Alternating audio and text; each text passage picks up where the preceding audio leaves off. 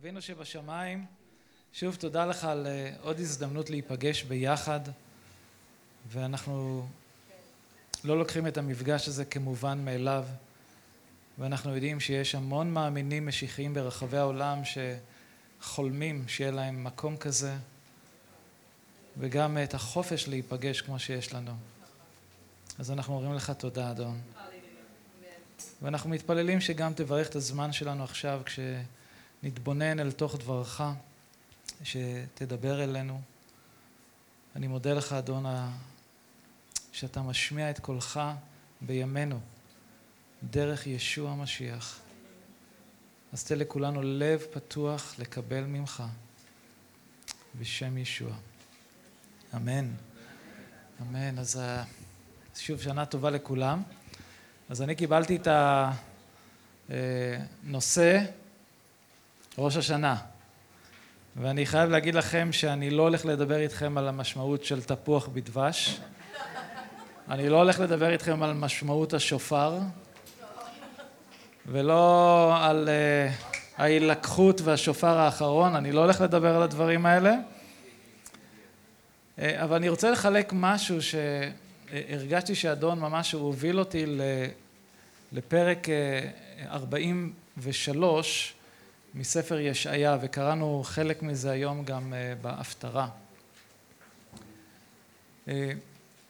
אחד הדברים שהרגשתי שהאדון רוצה לעשות בינינו הערב זה, זה לעודד אותנו באמונה, לחזק אותנו, שאנחנו ניכנס אל השנה החדשה הזו עם עידוד וחיזוק, לא עם אשמה, וכל כך חשוב ש...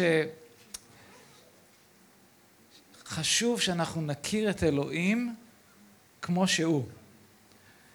אם אנחנו לא נכיר את אלוהים כמו שהוא, אנחנו נקבל תמונה מעוותת ולא נכונה של אלוהים, וזה ישפיע על החיים שלנו, על החיים הרוחניים שלנו, על, על, על כל דבר שאנחנו עושים.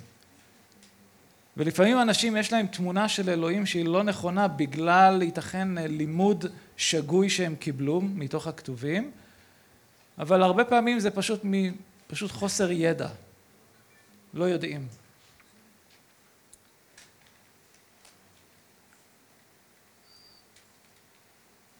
אנחנו פה בישראל, כמו שאתם יודעים, אנחנו עם מאוד מבולבל.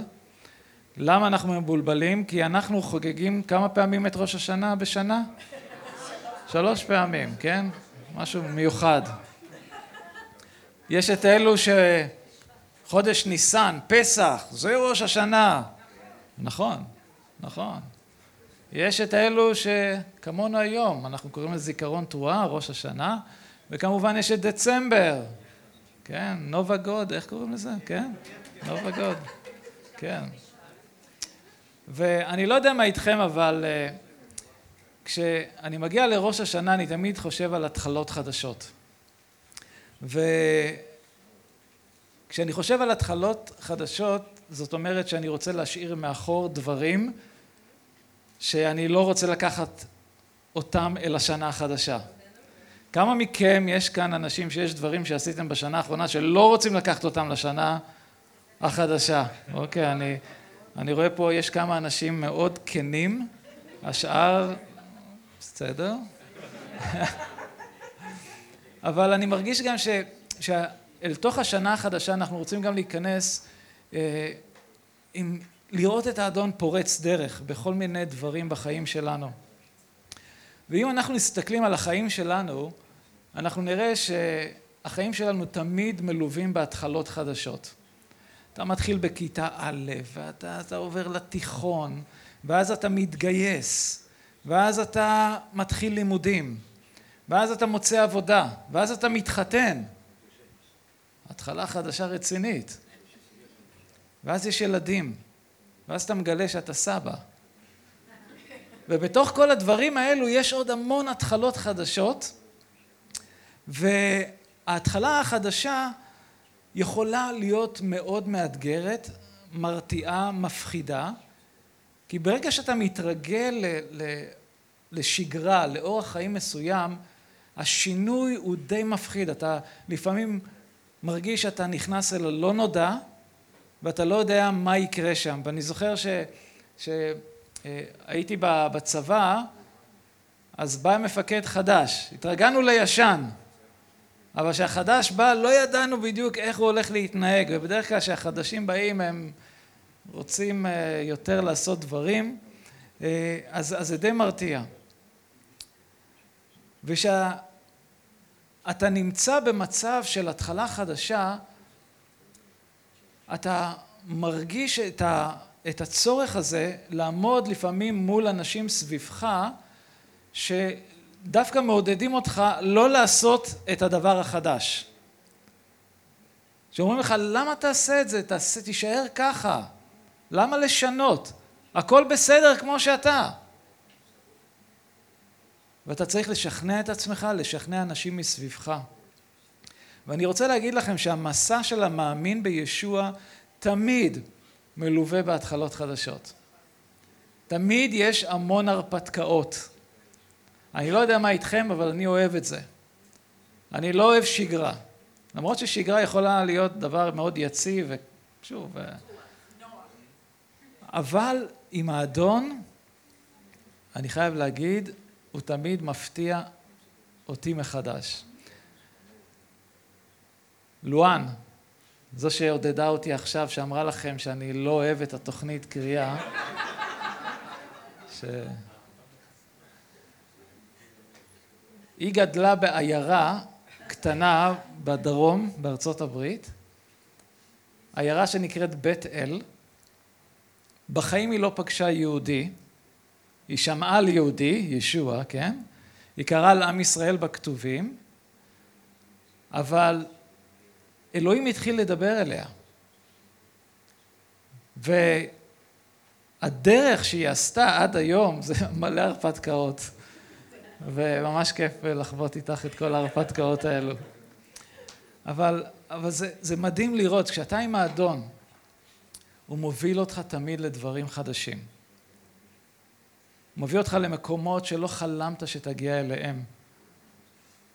אנחנו תמיד צוחקים שאנחנו רואים חברות שלה שהיא גדלה איתם, איפה הם היום ואיפה היא. היא יש לה את החיים הכי מדהימים. לא מבחינה כלכלית, כן? אבל, אבל מבחינת עשייה, זה, זה, זה מדהים לראות. אז אה, בואו נפנה לספר ישעיהו, 43, ו, ושם יש נבואה שמדברת על התרחשות קשה שתבוא על עם ישראל, אה, מאורע שבו עם ישראל יילקח לבבל, בגלל החטא של העם, החטא הציף את העם אה, בקרב העם, בקרב המנהיגים, הכהנים, פשוטי העם. ולמרות שהם עדיין היו מקריבים קורבנות בבית המקדש והיה נראה שהם עושים דברים בסדר, אבל היה המון חטא מתחת לפני השטח.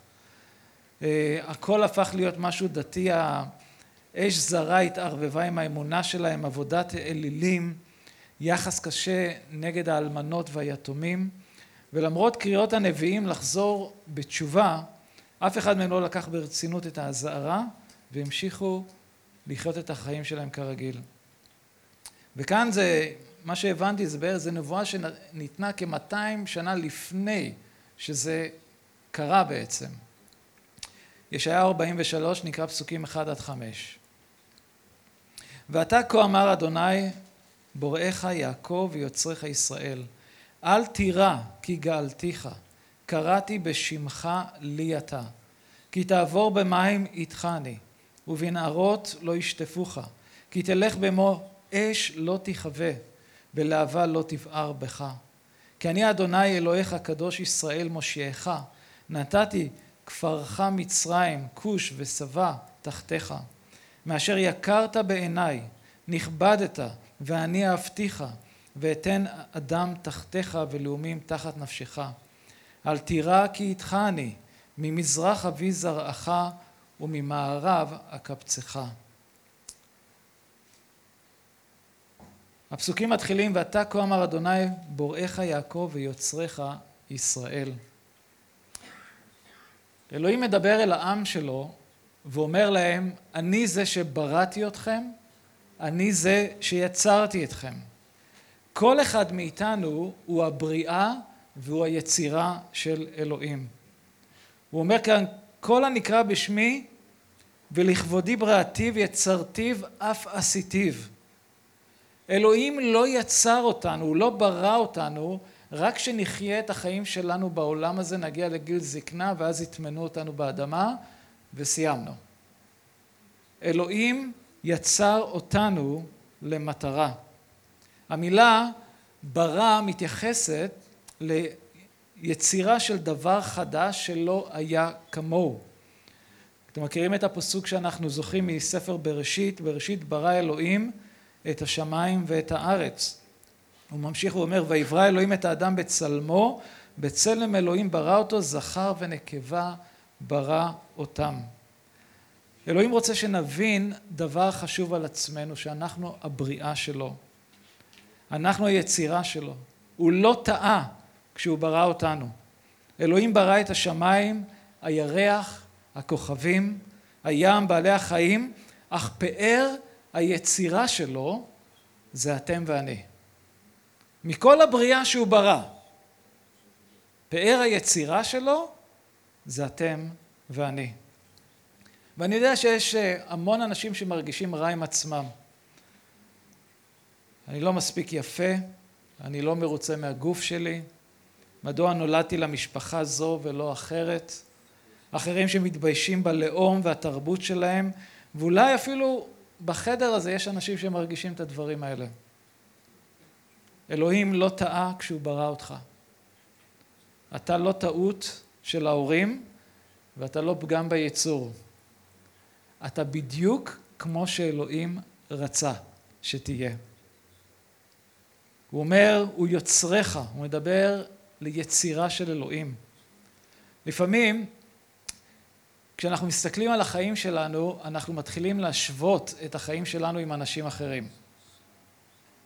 אנחנו רואים את ההישגים של אנשים אחרים, את הכישרונות של אנשים אחרים, ואז אני משווה את עצמי, וכשאני מוצא את עצמי חסר, אז אני מתחיל להרגיש רע עם עצמי. ואסור לנו להיכנס לפינה הזו. עכשיו, זה טוב שיש דוגמאות של אנשים סביבנו, אנשים שבאמת אה, אוהבים את אלוהים ומשרתים את אלוהים, הם יכולים באמת להיות דוגמה מאוד מבורכת עבורנו, אבל לעולם אל תנסו להשוות את עצמכם עם אנשים אחרים. ותתחילו להגיד לעצמכם, או הלוואי והייתי ככה, למה אני לא ככה? כי אתה מתחיל להסתכל על עצמך בשליליות. והאלוהים רוצה שתדעו שהוא ברא ויצר אתכם בדיוק כמו שאתם. בדיוק כמו שאתם צריכים להיות. עם הכישורים ועם המתנות שהוא נתן לכם באופן ספציפי. ואתם יודעים איזה חיים מאושרים יכולים להיות כאשר אתה לא משווה את עצמך עם אנשים אחרים? שאתה שלם עם עצמך? אחד הדברים שאני אה, זוכר בבית ספר, אני באתי ככה משכונה, כזה משכונת מצוקה, המון עבריינות הייתה שם והורים אה, שעבדו קשה כדי שיהיה אוכל בבית ושיוכלו לשלם את החשבונות ואני מצאתי את עצמי בבית ספר בחיפה, ששם היו משפחות יותר עמידות. והייתי מגיע לבית הספר, ולא הייתי יכול להרשות לעצמי בגדים עם כל המותגים ועם כל הנעליים, והייתי בא לשם עם הדברים הפשוטים, והייתי מרגיש כל כך רע, הייתי הרגשתי כל כך נמוך עם עצמי. אחד הדברים שאדון עשה שינוי בחיים שלי ברגע שהגעתי לאמונה, כל הדברים האלה כבר לא היה אכפת לי. לא אכפת לי אם אני אלבש נעל שהיא, שניקי, לא כן? לא נייק, כן? ניקי, יש כל מיני. לא אכפת לי אם זה תהיה חולצה יד שנייה. לא עניין אותי עוד הדברים האלה. הרגשתי שלם עם מי שאני עם אלוהים. לא חייתי עוד בתחרות. וזה כל כך חשוב שגם אנחנו נבין את זה, ש, שאנחנו היצירה של אלוהים, ואנחנו בדיוק כמו שהוא רצה שאנחנו נהיה.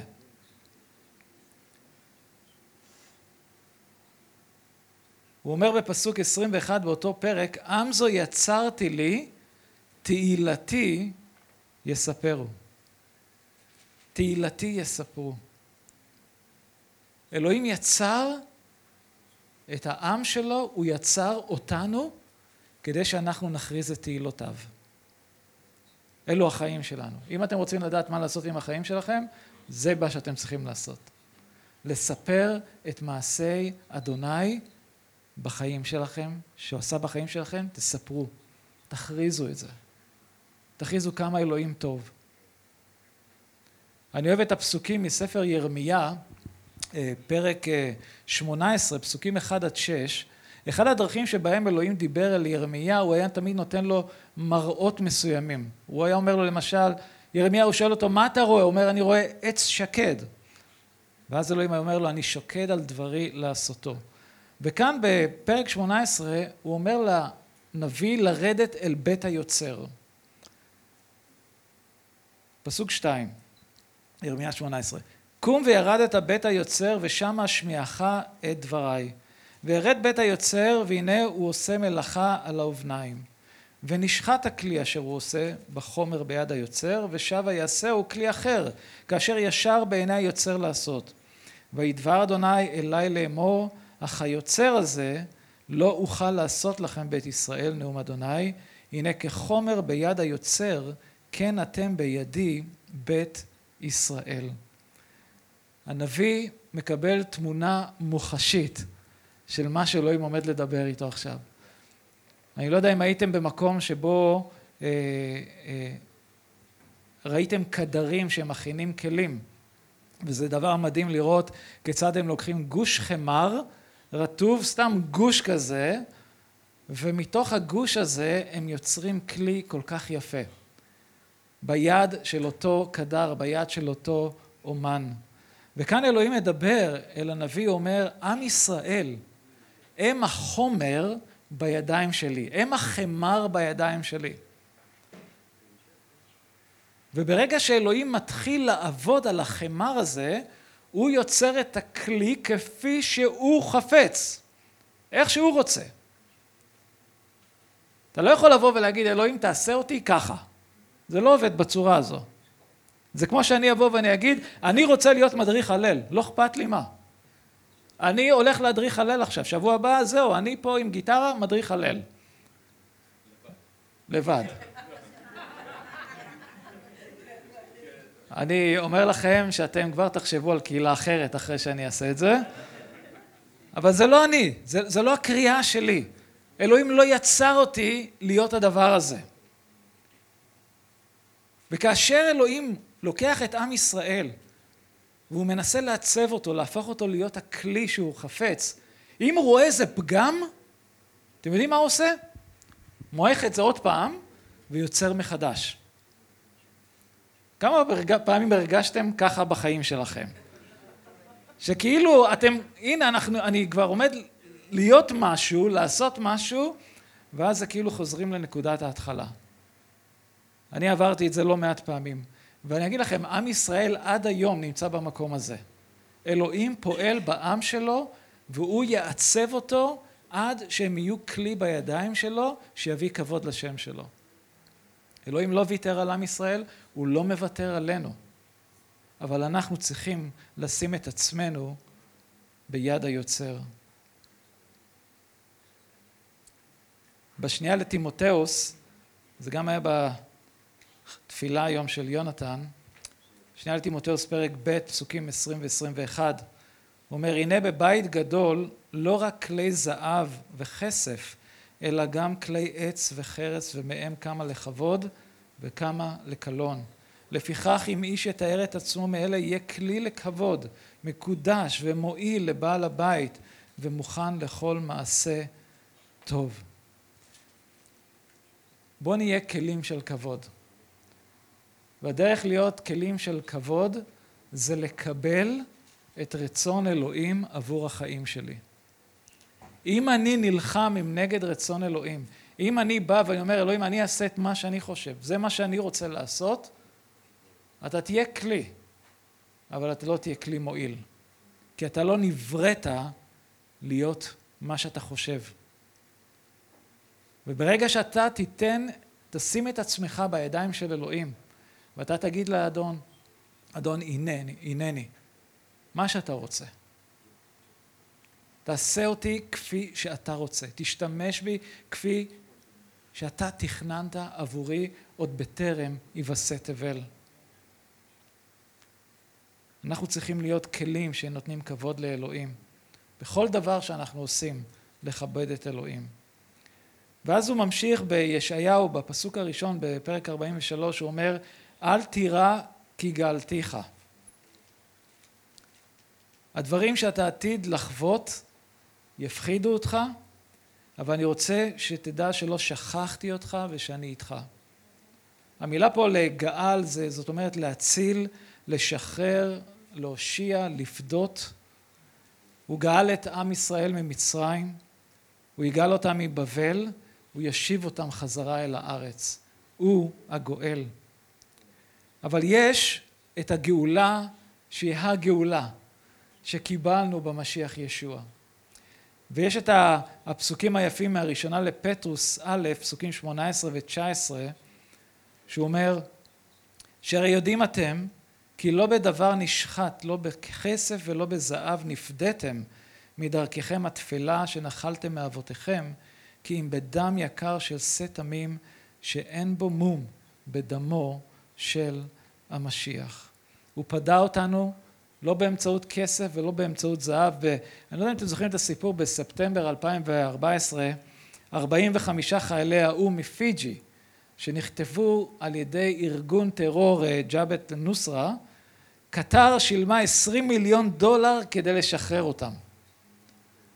והם באמת שחררו אותם אחרי שהם קיבלו את הכסף. זה לפדות, זה המשמעות הזו של גאולה. מישהו משלם מחיר כדי לשחרר אותך. ומה שישוע עשה עבורנו זה לא היה כסף וזה לא היה זהב, הוא נתן את החיים שלו עבורנו כדי שאנחנו נהיה חופשיים. היינו אבודים בחטאינו ואלוהים שילם מחיר יקר כדי לגאול אותנו. הוא ממשיך בפסוק הראשון בישעיה 43, הוא אומר, קראתי בשמך לי אתה. קראתי בשמך. אני האלוהים שקורא בשם שלך, אני האלוהים שנותן לך זהות, ואני חייב להתוודות לפניכם שאני, יש לי בעיות עם שמות. אני, אני מניח שאני במקצוע, לא מקצוע, אני בקריאה שהיא לא רגילה, כי טווח האנשים שאני פוגש זה יכול להיות מאות. ולפעמים אנשים באים אחרי שלא ראיתי אותם כמה שנים ואומרים לי, אה דני, מה העניינים, מה שלומך? ואני מסתכל, אין לי מושג מי האנשים האלה. והם מצפים שאני אזכור את השמות שלהם. או שלפעמים בתפילה, שאני מתפלל עבור, אין לי מושג מה השם, אני לא זוכר את השם. עכשיו, זה לא בגלל שלא אכפת לי, פשוט אין זיכרון כבר. אתן לכם טיפ. אם אתם לא זוכרים את השם ואתם מתפללים עבור מישהו, אדון, תברך את אחי. או אחותי. אבל אלוהים מכיר את השם שלנו. הוא יודע את השם שלנו.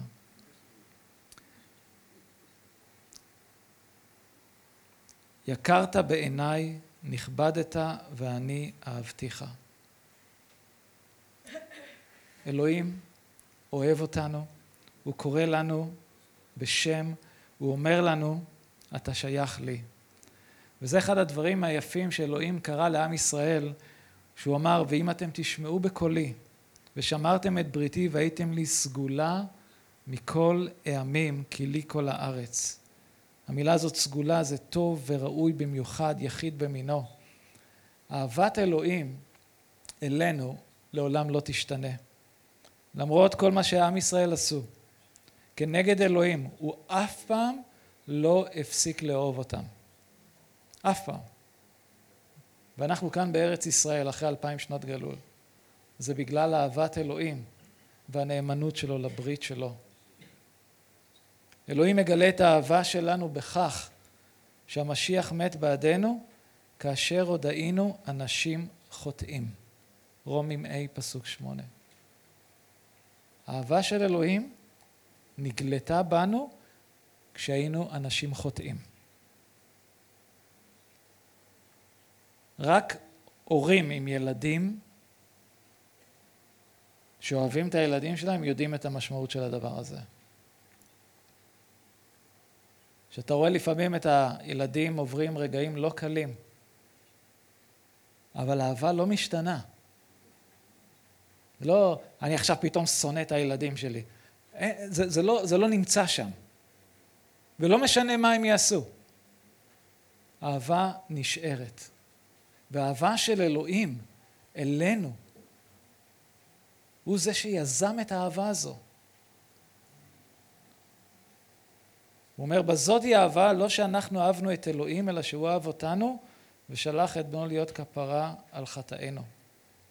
אם נכשלת, הוא אוהב אותך. אם חטאת, הוא עדיין אוהב אותך.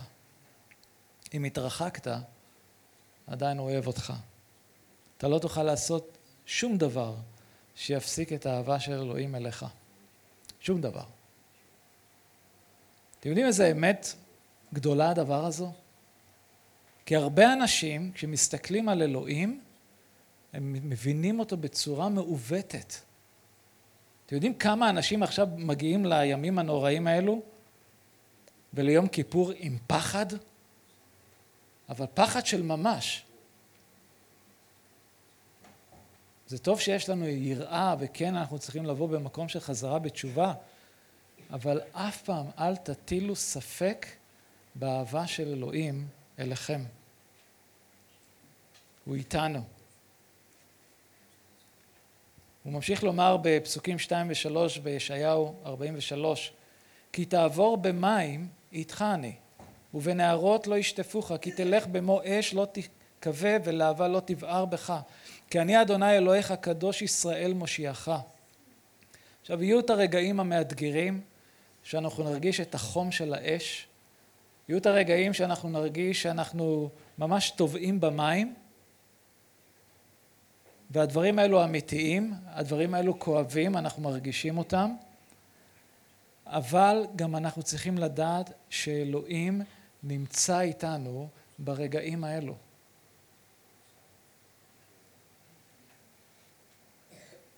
אהבתי את הסיפור של דניאל, שלושת החברים של דניאל, שדרך, מישך ואבן נגו. אני מכיר שאתם מכירים את הסיפור שהם, אה, המלך נבוכנצר, אה, בגלל שהם השתח... סירבו להשתחוות לצלם הזהב שהוא יצר, הוא ציווה להשליך אותם אל האש. תשמעו את הפסוקים האלו, זה מדניאל ג' אז תמה המלך נבוכנצר ויקם בבהלה ויען ויאמר לשריו הלא שלושה אנשים השלכנו לתוך כבשן האש כשהם כפותים ויענו ויאמרו למלך נכון הדבר המלך ויען המלך ויאמר והרי רואה אני ארבעה המהלכים חופשיים בתוך האש ואין בהם כל חבלה ומראה הרביעי כמראה בין האלוהים. האדון איתנו בתוך האש. פה זה היה ממש, הוא היה איתם בתוך האש. אבל הדברים שאנחנו חווים, ולפעמים באמת אפשר להגיע לנקודה הזאת שאולי אתה לא מרגיש את אלוהים סביבך, אבל זה לא אומר שהוא לא איתך. הוא איתך גם ברגעים הקשים שאתה חווה בחיים שלך. ואני הייתי ממש רוצה לעודד אתכם כשאנחנו נכנסים אל תוך השנה החדשה הזו, קחו את האמיתות האלו. הם ילוו אתכם, הם יחזקו את האמונה שלכם. בוודאי שזה מחזק את האמונה שלי, שאני יודע שהאדון איתי, גם באש, גם במים, הוא איתי עד הסוף.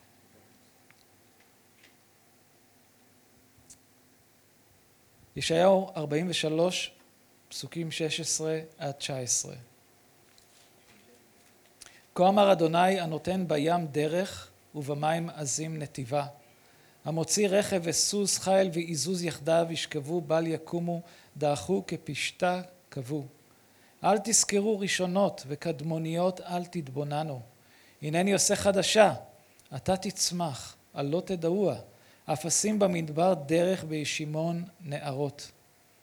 אלוהים יעשה דרך במקום שהוא בלתי אפשרי.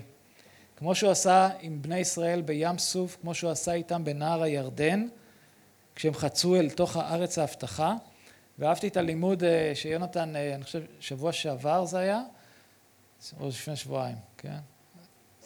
כן. ו... אבל אה, כשהוא דיבר על, ה... על הנס של הלחם והדגים, בפעם השנייה, ש... ואחד הדברים שהוא אמר שממש תפס את תשומת ליבי זה לא לדאוג על איך אלוהים יעשה את הדברים. ולפעמים אנחנו נמצאים ב... בכל מיני סיטואציות ואנחנו מנתחים בראש שלנו איך אני אעשה את זה. רגע, אם אני אעשה ככה ואם אני אעשה ככה, אז אני אהיה ככה ואז יהיה יותר סיכוי, ואנחנו נכנסים לתוך המחשבות האלו למצוא את הפתרון. ואדון, מה שהוא אומר, תנוח בי, אל תדאג לאיך. לי יש את הדרכים שלי. ו... מאז אני לקחתי את המילה הזאת ואני בתפילה שלי מכריז את הדבר הזה, כי היו לי כל מיני דברים שאתגרו אותי, ואני אומר לכם, זה עובד. ממש עובד. אני, תשאלו את לואן, אני הייתי כזה, היה לנו איזה, קיבלתי תשובה שלילית מאיזה מקום, לא אכנס לפרטים, ואני חושב לעצמי, איך נעשה את זה, ואיך זה, ו, ואולי נעשה ככה, ונשלח ככה, ואני אדבר ככה, ואני אתלונן ככה, ואני, ואני אומר, לא, אדון, אתה תעשה את האיך. אתה תעשה את האיך. ואז, עכשיו זה מדהים, כי זה אותה אישה שדיברתי איתה, טוב, אם כבר אני אומר לכם, זה מישהי, מה, מישהי מהבנק שהיינו צריכים לסדר איזה משהו, ו, וחיכיתי בתור, והיו שלוש נשים בעמדות. ואני מסתכל עליהן ואני אומר, מי הכי טובה יכולה להיות? והייתה אחת אמצעית, אני לא צוחק, היא נראית מה זה כועסת. מרירה, ואמרתי, אדון, רק לא היא. כי, כי השניים האחרות היו מאוד נחמדות. ואני יושב ככה, מחכה לתור שלי, וכמובן, היא. ובאמת היא לא הייתה נחמדה. ויצאתי משם ככה, באתי הביתה, לא אני יודעת איך הרגשתי, ו, וזה היה כאילו, אדון אומר, תנוח, אל תדאג. אני, אני, יש לי את הדרך שלי. אני אעשה דרך במדבר אם צריך. אני אעשה את הבלתי אפשרי. ומה שקרה, שאני מקבל שיחת טלפון, ומי מתקשרת אליי? אותה, אותה אחת. והיא אומרת לי בטלפון, אה, זה בסדר, אישרו לך.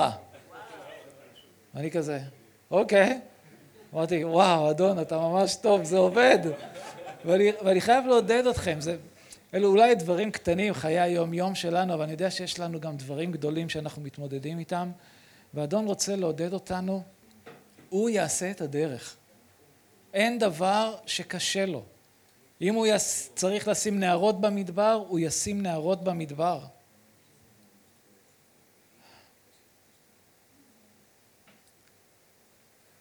הפס... אה, שמשה אמר לעם ישראל כשהם עמדו מול ים סוף. הוא אומר להם, ויאמר משה אל העם, אל תיראו, התייצבו וראו את ישועת אדוני אשר יעשה לכם היום, כי כאשר ראיתם את מצרים היום לא תוסיפו לראותם עד עולם. להתייצב. להתייצב. אתה רואה את האתגר, אתה רואה את הים, אין שום סיכוי מבחינה טבעית שאתה יכול לחצות את הים, ואתה מתייצב אל מול האתגר אל מול הסכנה, אתה פשוט, אלוהים אני, סומך עליך. אתה תמצא את הדרך לעשות את זה. התייצבו ותראו את ישועת אדוני. אל תזכרו ראשונות וקדמוניות, אל תתבוננו, הנני עושה חדשה, אתה תצמח. מכירים את השיר של דני רובס? מי ש... טוב, משהו חדש מתחיל אצלי עכשיו, כן? לא, לא מכירים? תפסיקו לזכור את הכישלונות והחטאים שלכם, אלוהים אומר, אני סלחתי לכם. הוא אומר באותו פרק בפסוק 25, אנוכי אנוכי ומוחה פשעיך למעני וחטאותיך לא אזכור. אני שכחתי.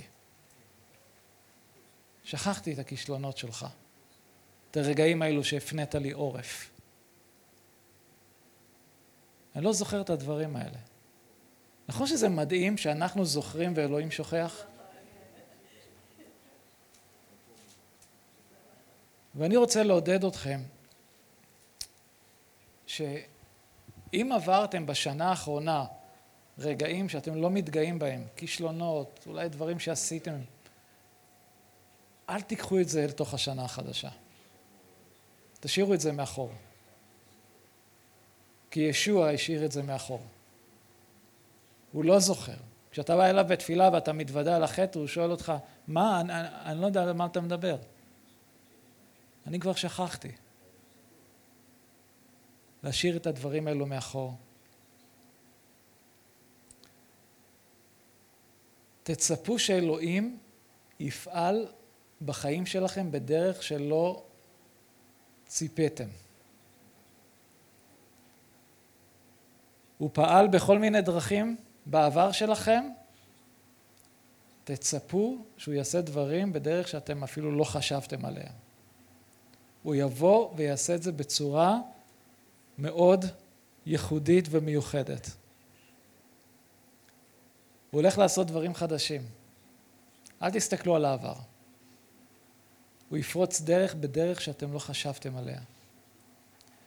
ואני רוצה להגיד לכם ככה מילים אה, כרואה קהילה, לב אל לב.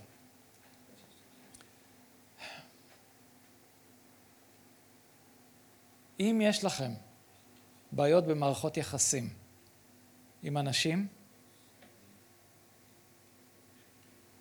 תתפייסו, תשכחו מזה כבר. אל תיכנסו לשנה החדשה עם אותה מטען, אותו מטען. אחים ואחיות, אין לנו הרבה זמן בעולם הזה להתחיל לשאת על עצמנו כל מיני משקלים שאנחנו לא חייבים לשאת על עצמנו.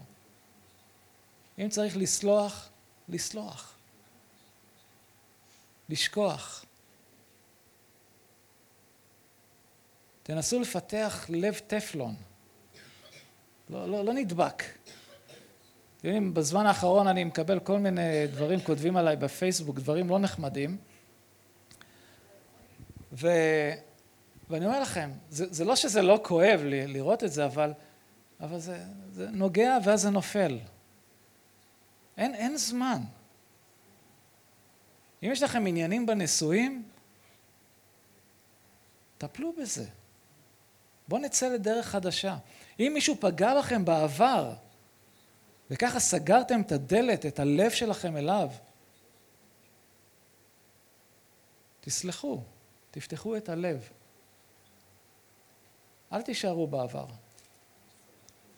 שאול השליח אומר, אני שוכח את מה שאחריי ונחלץ קדימה אל מה שלפניי. אל הקריאה של אלוהים, הקריאה במשיח ישוע.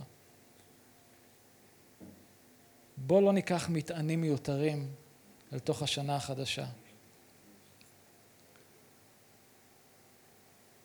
אם עשיתם דברים שנכשלתם בהם, שאתם לא מתגאים בהם, תשאירו את זה בשנה הישנה הזו.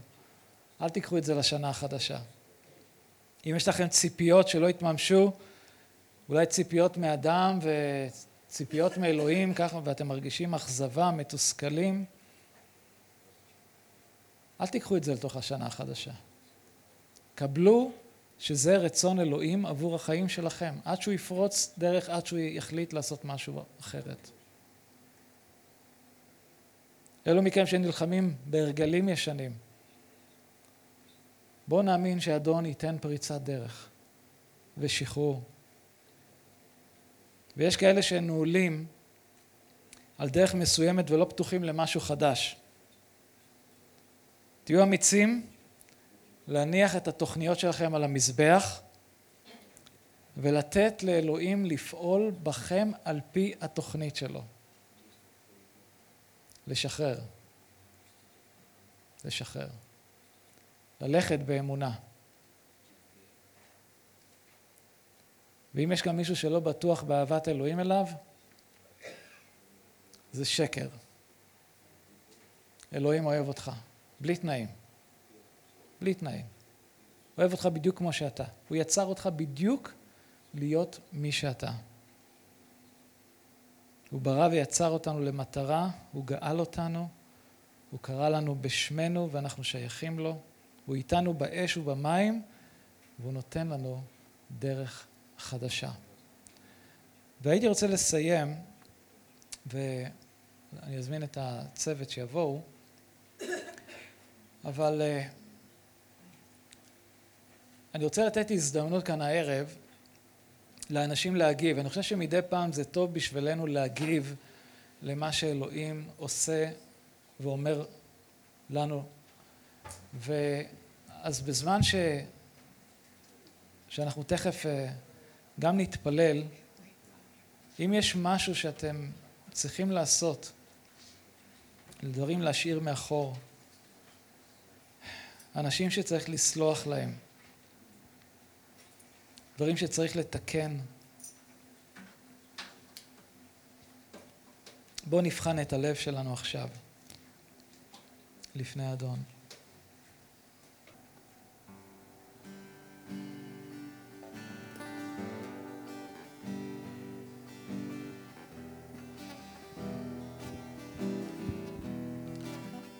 אולי נעמוד בבקשה.